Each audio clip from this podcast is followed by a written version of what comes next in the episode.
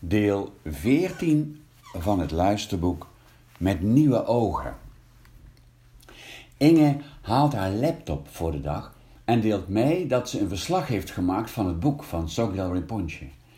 En of de anderen het interessant vinden om het te horen. En met een glas champagne in de hand wordt er aandachtig geluisterd. Het sterven begint Inge. Tijdens het sterven, al dus Sogyal Rinpoche in het Tibetaanse boek van leven en sterven, maakt het bewustzijn zich los van het lichaam. Het komt dan in het bardo terecht. Een overgangsgebied tussen het voorbije leven en de toekomstige nieuwe incarnatie. Bevrijdt het lichaam. Is de ziel dan in staat om daar zijn weg naar het licht te zoeken? Maar er zijn in het bardo leesopeningen verschillende niveaus van licht te onderscheiden. Er is stralend licht dat voor de meesten van ons wel bereikbaar is, maar er is ook een ultiem licht, vrij van elke aardse gebondenheid, en dat is Rigpa, een vormloos licht dat onze boede-natuur vertegenwoordigt en waarmee we ons alleen kunnen verbinden wanneer we alle aardse strevingen loslaten. Angsten en misvattingen die we vanuit het aardse leven meenemen in de dood, kunnen de ziel gemakkelijk belemmeren om in het bardo, het overgangsgebied, zijn optimale afstemming te vinden. Het zijn de alledaagse menselijke verlangens, zoals het streven naar macht en aanzien, of boosheid en het verlangen om wraak te nemen, maar ook schuldgevoelens of de behoefte om iets goed te maken, die ons binden aan het aardse leven. En op een bepaald niveau van bewustzijn kiezen we er dan voor om weer te incarneren. Zo geven we onszelf een nieuwe kans om deze zaken te verwezenlijken. Dat proces van opeenvolgende incarnaties gaat dan door, net zolang tot we al ons streven hebben losgelaten. Wanneer we tijdens ons leven geleerd hebben ons te richten op licht, liefde en mededogen, dan zullen we dat ook in het bardo, in die overgang, de weg naar het vormloze, volmaakte licht kunnen vinden. Dat betekent dan, volgens de boeddhistische benadering, dat onze ontelbare incarnaties tot een einde zijn gekomen en dat we de ultieme vrijheid hebben bereikt. Onze laatste fase van persoonlijke groei. Op basis van wetenschappelijk onderzoek beginnen we steeds meer inzicht te krijgen in de processen die zich ten tijde van de dood afspelen. De resultaten van dit onderzoek bevestigen niet de gangbare veronderstelling dat het bewustzijn eindigt wanneer de hersenen ophouden te functioneren. Integendeel, steeds nadrukkelijker dringt het beeld zich op dat de hersenen niet de veroorzakers zijn van het bewustzijn, maar slechts het fysieke instrument waardoor het bewustzijn zich kan manifesteren.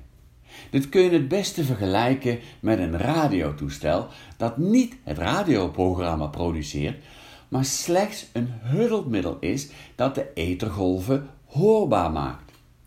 De wetenschappelijke bevindingen sluiten dan ook heel goed aan op datgene wat de mystiek ons leert.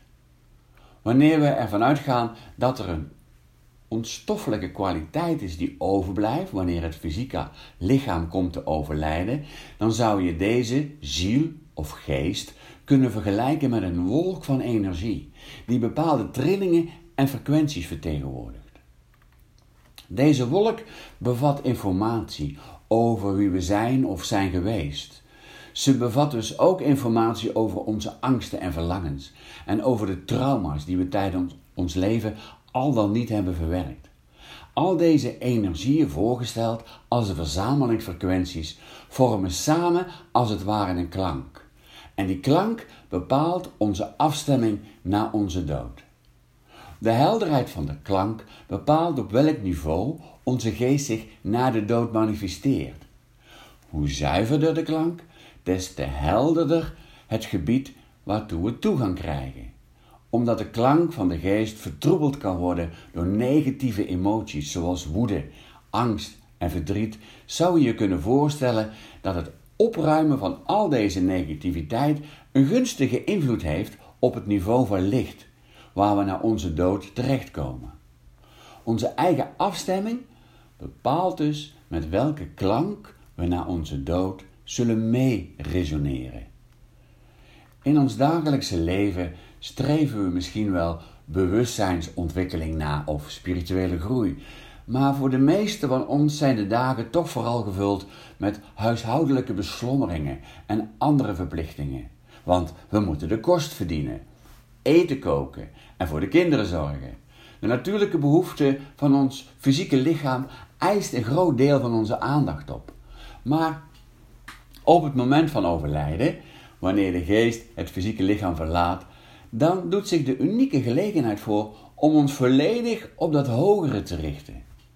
Dat is de mogelijkheid tot transformatie die de dood ons biedt. Bevrijd van het lichaam kunnen we ons overgeven aan het licht. Maar dat lukt ons alleen wanneer we ons daar al tijdens het leven op hebben voorbereid.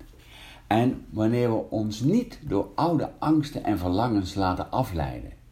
Dat betekent dat we al gedurende ons leven mogen afrekenen met onze trauma's en frustraties. Tijdens ons leven ook mogen we vrede hebben gevonden met onszelf en met de mensen om ons heen. Reïncarnatie is een van de kernideeën van het Tibetaanse boeddhisme. En Sogyal Rinpoche maakt een onderscheid tussen ons ego, onze dagelijkse persoonlijkheid, ons ik, de vorm die onze psyche heeft in het lichaam waarin we nu leven en het daaronderliggende diepere of natuurlijke bewustzijn dat in feite onze essentie is. De dood is dus geen absoluut eindpunt. Ons lichaam houdt weliswaar op te bestaan, maar ons bewustzijn reist verder. De gedachte aan de dood kan ontzettend verlammend werken. Maar in deze visie is de dood niet meer dan een tussenstation. Dat maakt de hele gedachte aan de dood al een stuk lichter. We zijn reizigers, continu onderweg van de ene wereld naar de andere. Nadenken over de dood geeft je leven zin en betekenis. Bang zijn voor de dood is begrijpelijk, zegt Sogda Rinpoche. Maar als we de dood uit ons leven bannen, dan doen we onszelf veel tekort. Zoveel mensen sterven onverwacht en het kan zomaar afgelopen zijn. Vaak veranderen mensen bepaalde aspecten van hun leven als ze weten dat ze nog maar kort te leven hebben. Maar waarom zou je daarop wachten? Durf de waarheid onder ogen te zien. Nadenken over je sterfelijkheid wil niet zeggen dat je de hele dag verlamd van angst op de bank moet blijven zitten of de straat niet meer moet opgaan zonder helm. Het is een oproep om je bezig te houden met dingen die, die je belangrijk vindt. Je kunt je leven meer betekenis geven door na te denken over je dood en hoe je wilt terugkijken op het leven als het zover is. Weet je niet waar je nu eigenlijk mee bezig bent? Ben je te druk? Is je leven te hectisch? Zet het dan even op stop. Durf eerlijk na te denken over deze vraag. Als je zou weten dat je over een jaar, over een maand, over een week zou sterven, wat zou je anders doen? Nu, op dit moment. De kracht van het boek, vertelt Inge, is ook dat het een soort gids is als je in de omgeving met sterven te maken krijgt. Vaak hebben we geen idee wat we dan kunnen doen. Hoe kun je iemand helpen die de dood onder ogen moet zien? Sogal Rinpoche vat de zorg van stervenden in twee woorden samen: liefde en mededogen. Mededogen is iets anders dan medelijden. In mededogen zit respect. Het klinkt gemakkelijk, maar mededogen is niet alleen genegenheid of warmte, het is ook een niet aflatende en praktische vastberadenheid om alles te doen wat nodig en mogelijk is om hun lijden te verzachten. Hoe wek je mededogen op? Door liefdevolle vriendelijkheid, door anderen te zien als hetzelfde als jij, met dezelfde gevoelens en verlangens, dezelfde menselijkheid. Als jij in die situatie was, Wat zou je dan willen? Of nodig hebben? Wat zou je willen dat anderen voor je deden? Mededogen is pas echt mededogen als je iets doet. Dat kan bijvoorbeeld door te bellen, te praten, te luisteren, te vragen, te helpen, door er te zijn. Maar je kunt ook blijven hangen in teleurstelling in zo'n situatie. En teleurstelling, het is één van de dingen die ons uit evenwicht brengen. Net als verdriet, verlies, het besef dat we er allemaal over 50 jaar niet meer zijn en nog wel duizend dingen meer.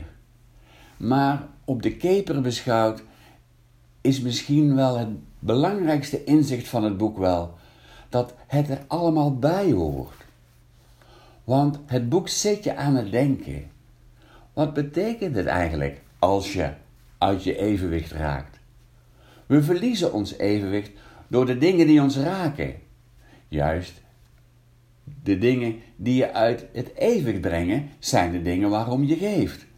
Je evenwicht verliezen heeft ook zijn positieve kanten. Het vermogen om terug te veren ook. Het is te gemakkelijk om te zeggen dat ellendige en schokkende gebeurtenissen goed voor je zijn. Maar altijd in balans willen zijn, dat is het ook niet. Een schip in veilige haven. Maar dat is niet waar schepen voor bedoeld zijn. Juist door veranderingen te doorstaan, leren we evenwicht te ontwikkelen, koers te houden, de blik op de horizon te richten.